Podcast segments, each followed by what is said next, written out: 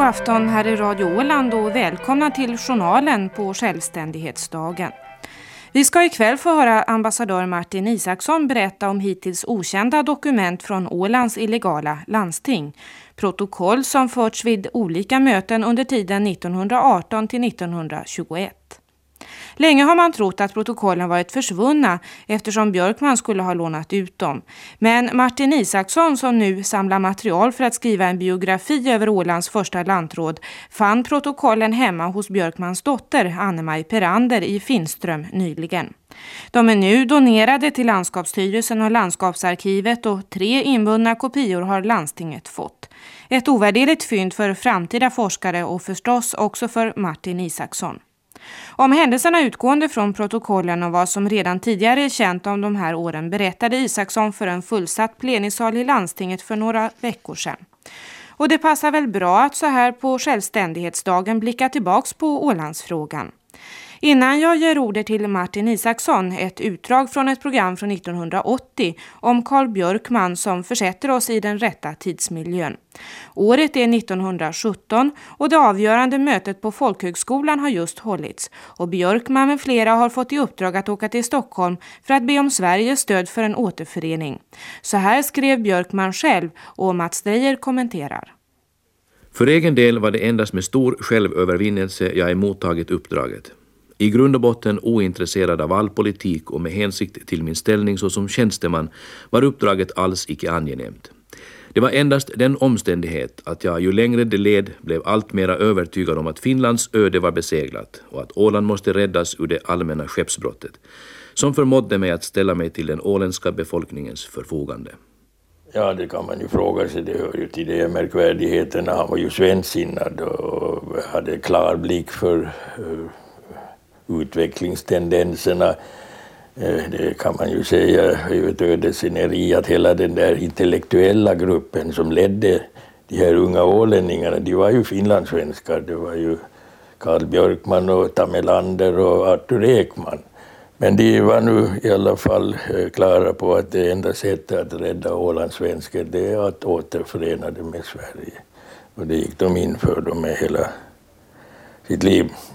Skrivelsen i vilken ålänningarna krävde återförening med Sverige var författad av Carl Björkman och inte så långt därefter den 5 december 1917, dagen före Finlands självständighetsförklaring, publicerades i tidningen Åland en ledare med rubriken Sanningen. Det var också Björkman som skrev denna uppseendeväckande ledare i tidningen Åland som hette Sanningen. Man ser det både av stilen och man vet det på annat sätt. Den tiden så var Eh, Jonny Holmberg, redaktör vid tidningen och när eh, eh, Björkman kom dit med det så vågade inte Johannes eh, Jonny Holmberg ta in det förrän Sundblom som ju var landtagsman i Helsingfors hade givit sitt tillstånd. Och då infann sig ju eh, Björkman och eh, Otto Tamelander, eh, som jag också hörde till det här gänget, Eh, och Hugo Sommarström på redaktionen och krävde då i starka ordalag att den ska in den där. 1918 togs initiativet av Björkman till att bilda ett landsting, det så kallade illegala landstinget, för att Ålandsrörelsen skulle få en fast organisation att arbeta med. Det var med lock och pock man fick Björkman att ta ordförandeposten i det illegala landstinget. Han accepterade men med förbehåll att så fort Sundblom återvänt från landtagen i Helsingfors så skulle han ha ordförandeskapet. Men då Björkman berättade det här för Sundblom någon tid senare vägrade Sundblom kategoriskt att ta över ordförandeposten. Tyvärr blev det nu så att Björkman med sin höga utbildning fick dra det tyngsta lasset de närmaste fyra åren. Han skrev utredningar och framställningar till Finlands regering, till Sverige och till alla andra utländska makter som var inblandade i den här Ålandsfrågan. Och han sågs ofta sitta långt in på nätterna arbetande. Men hur sanningsenlig är Björkman då han själv säger att han inte ville ha de här politiska posterna? Var han inte äregirig? Jag tror inte det. Han var nog ämbetsman. Det där var en ideologi som blommade men eh, han råkade ju i motsatsförhållande till Sundblom som ju var den borne politikern. Eh, utan Björkman hade vi ju inte haft självstyrelse, men det kan man säga nog om Sundblom också. Att han, hade han använt sin maktställning på andra sidan så hade det inte blivit någon självstyrelse. Den 17 mars 1918 beslöts att grunda en sådan organisation för Åland som ägde bevaka landsdelens ekonomiska, kulturella och politiska intressen. Björkman fick uppdraget att göra ett stadgeförslag och att sammankalla ett konstituerande möte. Som medarbetare i stadgearbetet hade Björkman bankdirektörerna Artur Ekman, tidigare länsman i Jomala, och bankdirektör Otto Tamelander, svensk vicekonsul och chef för Föreningsbankens kontor. Stadgarna hade inalles tio paragrafer och de gick ut med ett SHT-brev, Exhibit A, skulle Perry Mason ungefär säga. Det vore mig kärt, skriver eh, Björkman, om ni ville gå igenom förslaget samt snarast möjligt meddela era ändringsförslag. Det är den 30 mars 1918. Nu var ju eh, marken någorlunda bearbetad. Det tog inte lång tid för någon egentligen att svara. För Abel Lindholm som då var ordförande för Sunds kommunalstämma det eh, tog det ingen tid alls. Han svarade omgående. Han hade tryckt brevhuvud. Det stod Abel Lindholm, Torsarby, Åland, Finland på det. Och där säger han att eh, han hade inga anmärkningar. Det nya landstingets första sammanträde hölls den 8 juni 1918. Finström, Saltvik, Sund, Hammarland, Jomala, Geta och Mariehamn var representerade. Björkman blev ordförande och Bertell sekreterare. Stadgeförslaget gick igenom utan ändringar. Den andra frågan på dagordningen var ställningstagande till ÅFK, den åländska frivilliga skyddskåren, där Björkman också intog ordförandeposten. Den här frågan var delikat ur minst två synpunkter. Kåren var inte alls utan betydelse för Björkmans eh, rörelse. Å andra sidan var man i hög grad intresserad av att hävda det gamla Ålandsservitutet från 1856 om ett demilitariserat Åland. Men om denna status eh, så nu då efter det att eh, västmakterna hade tillåtit Ryssland att, att bryta dem så, så gällde nu minst sagt osäkerhet den här tiden. Landstinget eh, valde därför en balansgång. Skyddskårens övningar skulle inställas under den bråda tiden av året, det vill säga sommaren. Under hösten skulle de lokala kårerna sedan förändras till skytteföreningar. Den 5 mars, eh, tyskarna hade då kommit redan, nystadskåren var redan borta.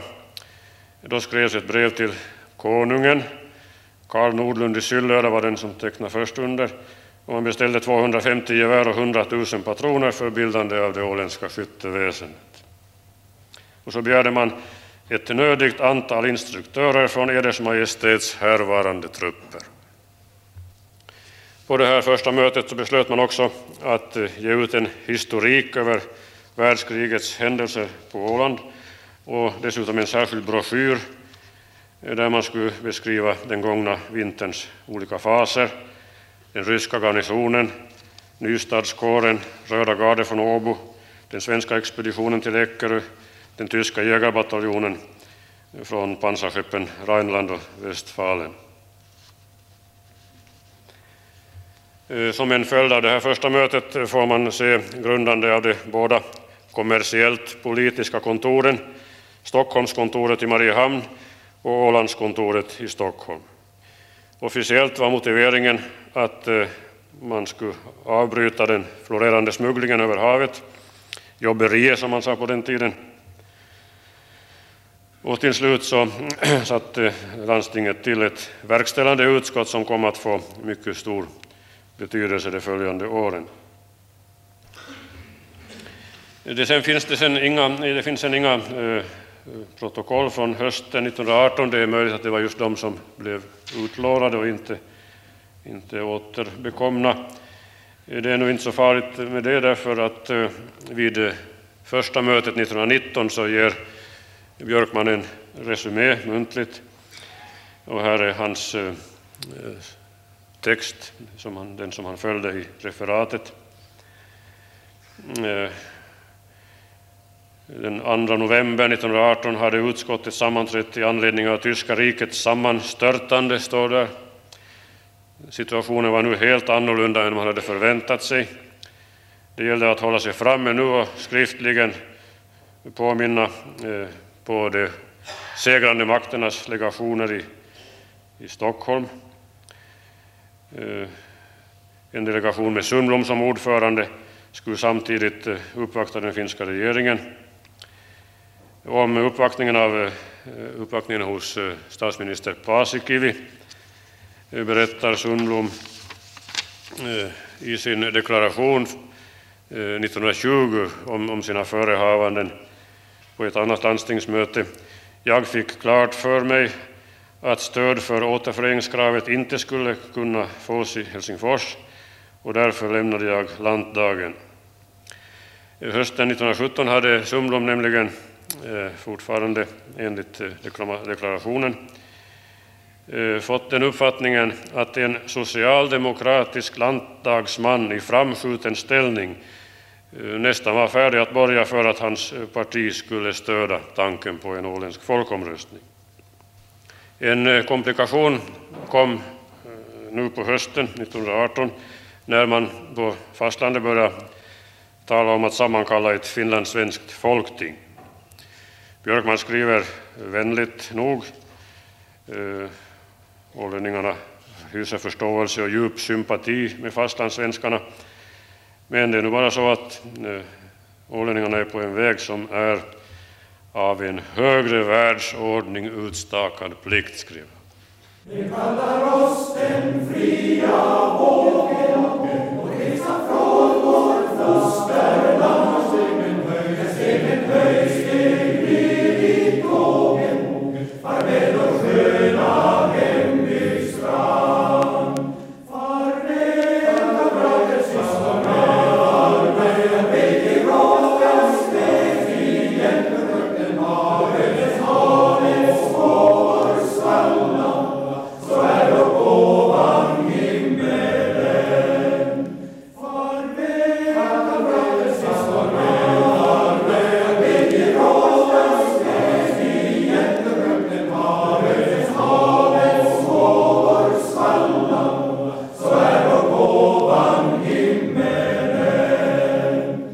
Den 16 februari 1919 hölls ett av de stora landstingsmötena. Det här protokollet är renskrivet och omfattar åtta sidor.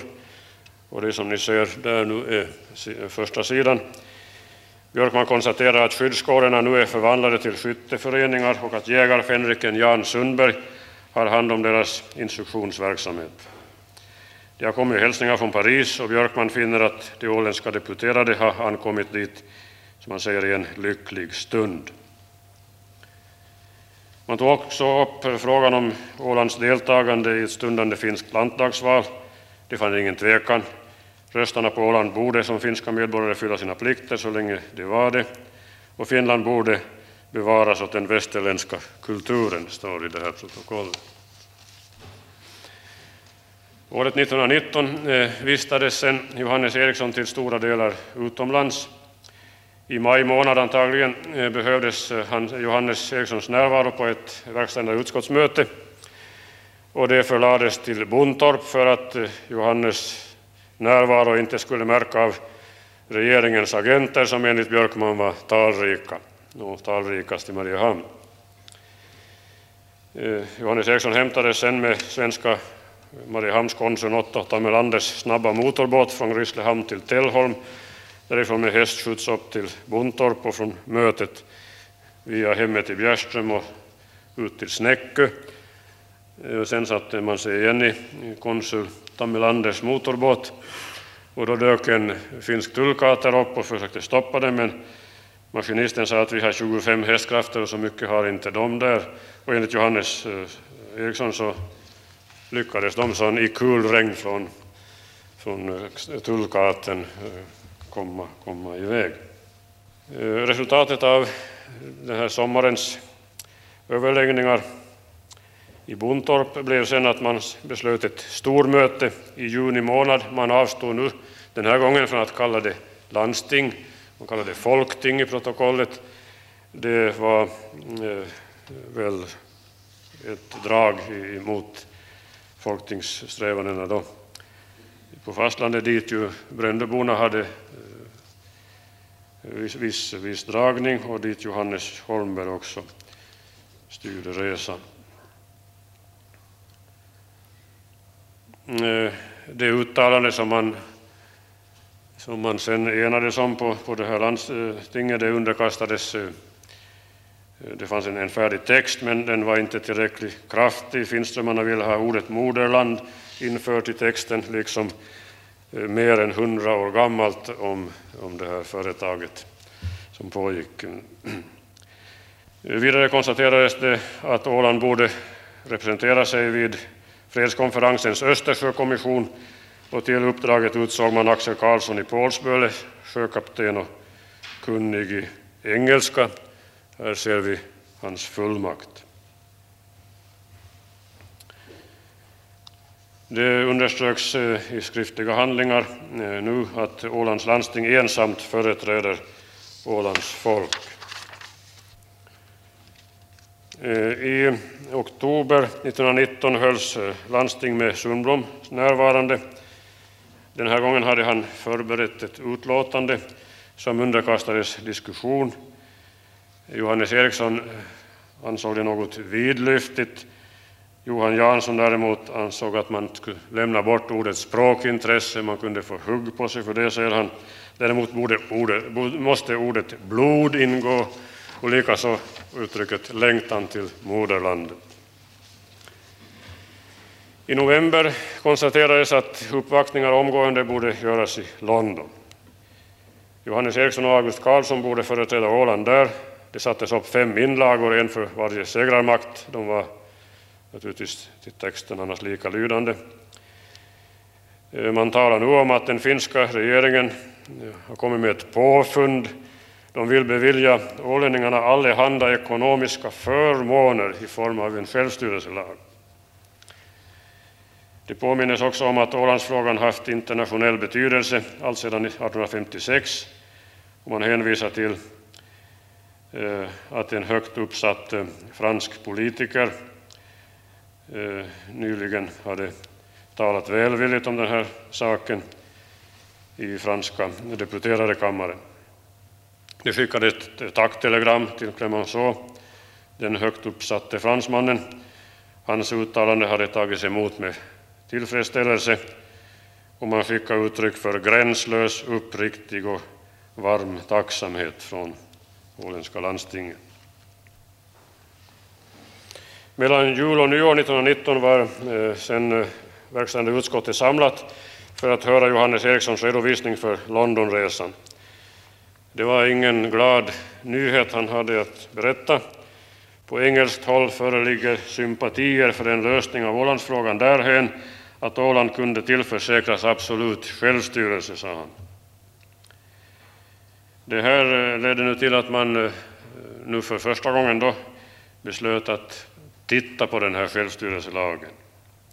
Visserligen var både Johan Jansson och Johannes Eriksson emot att den alls skulle läsas upp. Det var farligt, sa de. Man, man visste inte vad man gav sig in på om man ens började läsa den.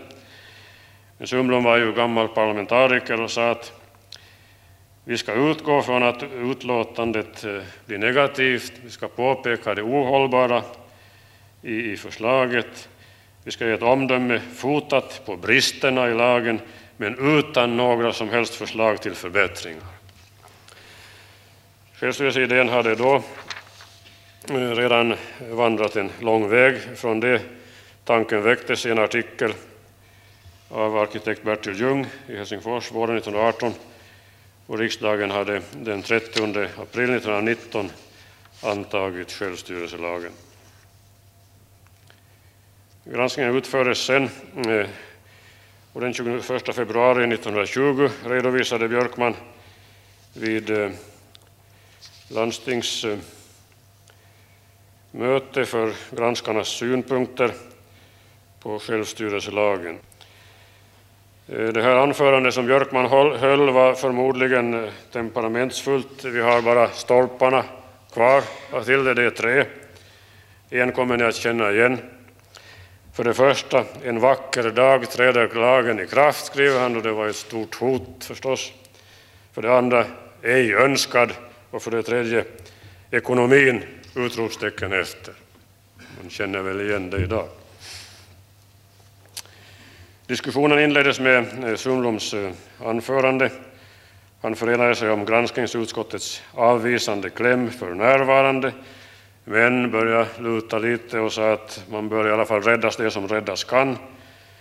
Något beslut, behöver, något beslut behöver man dock inte fatta om utlåtande förrän republikens president har stadfäst lagen, vilket sedan räckte in på år 1919. Övriga talare på det här mötet eh, gick på eh, Sundbloms linje. Någon var så slipad att han ansåg att lagen givetvis bör accepteras, men därom behöver ju inget utlåtande lämnas. Rosenblad i Åskåda ville acceptera, då det i alla fall var fråga om en stor vinning, men eh, eh ett redaktionsutskott tillsattes och det är texten från det som finns här. Och delar man den här klämmen lite i punkter så kan man finna att de är kanske fem. Ålänningarna hade för det första aldrig begärt någon självstyrelse. För det andra, frivilligt tar de inte emot den. För det tredje, tvingas den på, den på dem så svarar de inte för de slitningar som kan uppstå. För det fjärde, trots anbudet kommer Ålandsfrågan att drivas vidare. Och för det femte, i den kampen kommer alla tillåtliga medel att användas.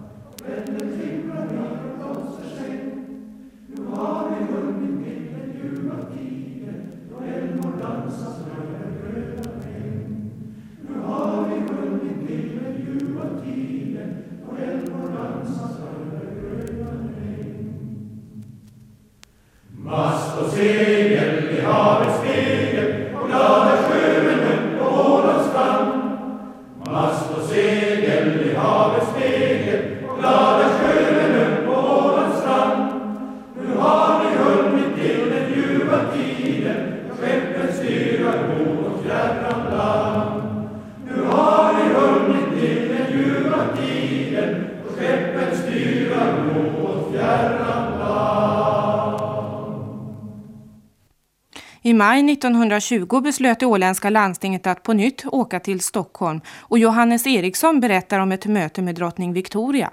Jag företog färden till slottet och genom kammarherre Douglas anhöll jag om audiens hos drottningen. Denna beviljades omedelbart och jag blev i tillfälle att uttala deputationens vördsamma tack för gåvan. Drottningen var vänlig och samtalade med mig om Åland där hon en gång varit med sin lustjakt.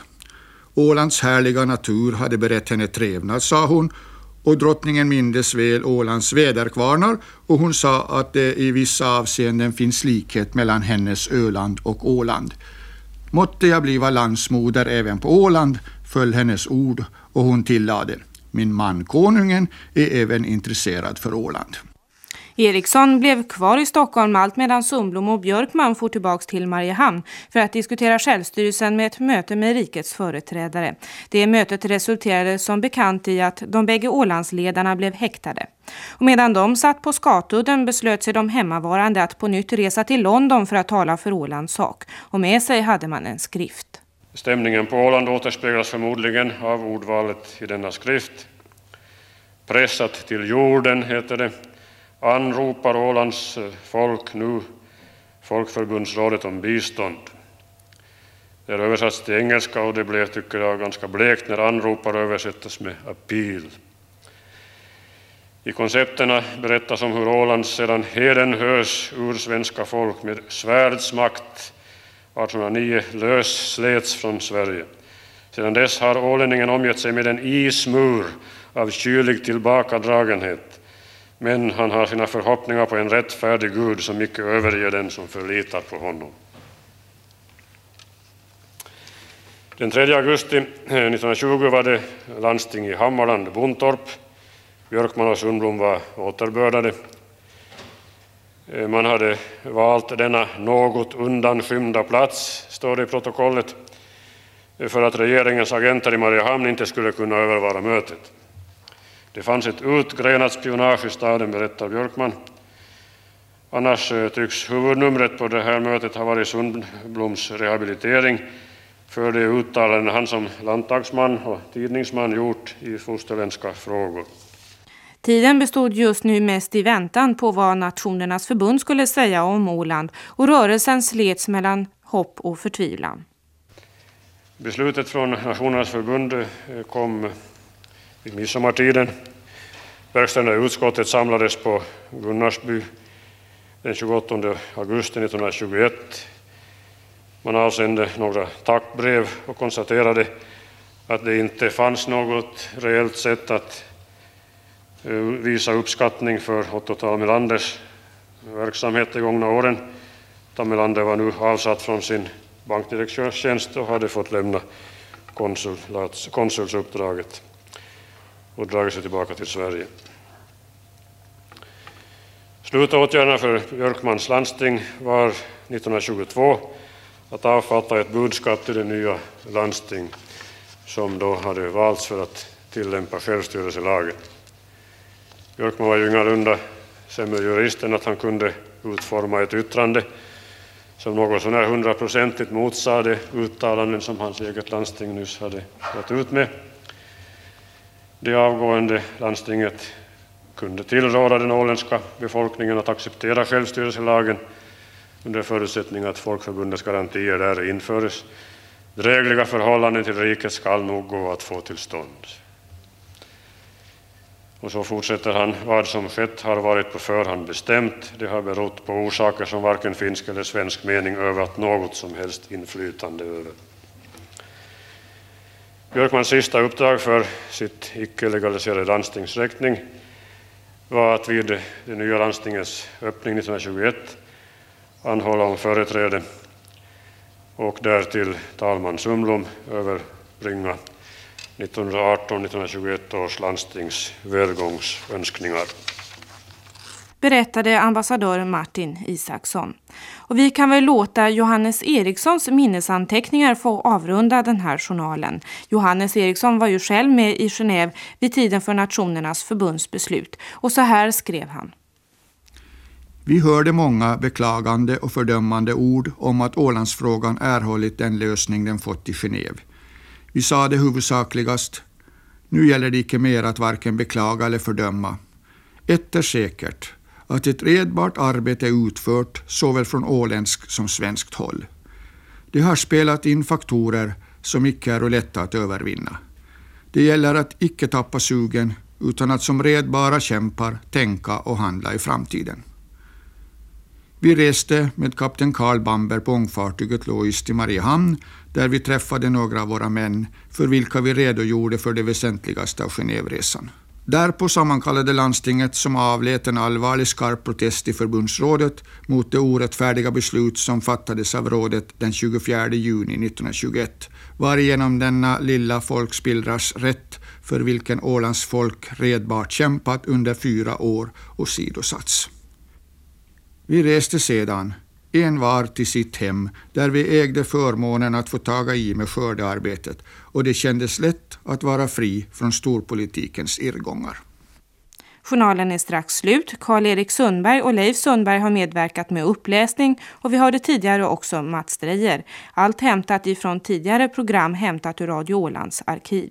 Och jag som gjort journalen heter Pernilla Kammert och för teknisk redigering svarar Anders Gustafsson. God kväll. Thank you.